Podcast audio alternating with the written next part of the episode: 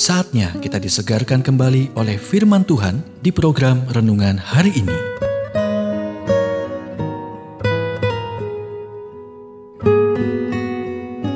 Renungan hari ini berjudul Cara Menemukan Visi Anda bagian kedua.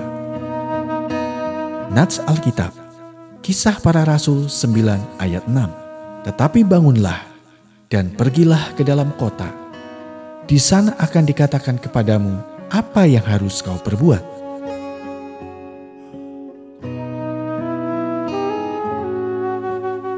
Paulus percaya bahwa dia melakukan kehendak Tuhan dengan memenjarakan dan membunuh orang Kristen. Dia menemukan panggilannya yang sebenarnya dengan cara yang dramatis. Dalam perjalanannya ke Damsik, ketika ia sudah dekat kota itu, tiba-tiba cahaya memancar dari langit mengelilingi dia. Ia rebah ke tanah, dan kedengaranlah olehnya suatu suara yang berkata kepadanya, Saulus, Saulus, mengapa engkau menganiaya aku? Jawab Saulus, Siapakah engkau Tuhan?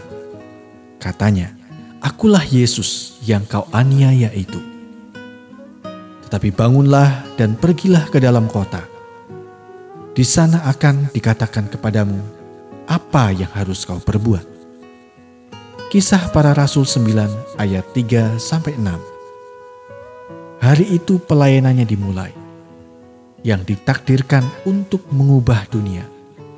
Dan saat hidupnya mendekati akhir, dia bisa berkata, Aku tidak melanggar visi surgawi. Kisah para Rasul 26 ayat 19 Visi Anda tidak harus lahir dari kebutuhan Anda untuk mengesankan orang lain atau menjadi seperti mereka. Anda dipanggil untuk melakukan kehendak Tuhan, bukan kehendak Anda sendiri atau orang lain. Alkitab berkata, Efraim tertindas, diremukan oleh hukuman, sebab ia berkeras untuk berjalan mengikuti kesia-siaan. Hosea 5 ayat 11. Visi Anda harus menjadi hasil dari bimbingan ilahi dan bukan perintah manusia. Anda harus bisa berdoa, Tuhan, Engkau memberiku penglihatan ini, dan aku percaya Engkau menyediakan apa yang aku butuhkan.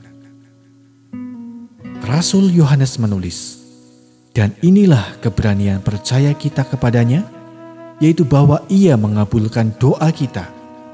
Jikalau kita meminta sesuatu kepadanya menurut kehendaknya. 1 Yohanes 5 ayat 14.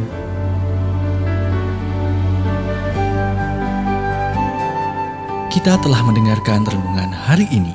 Kiranya renungan hari ini terus mengarahkan kita mendekat kepada Sang Juru Selamat, serta menjadikan kita bertumbuh dan berakar di dalam Kristus. Renungan hari ini tersedia dalam bentuk buku maupun digital dan bisa Anda miliki dengan menghubungi Japri di WhatsApp 0812 8784 7210 atau email ke infoapripusat@gmail.com. Tuhan memberkati.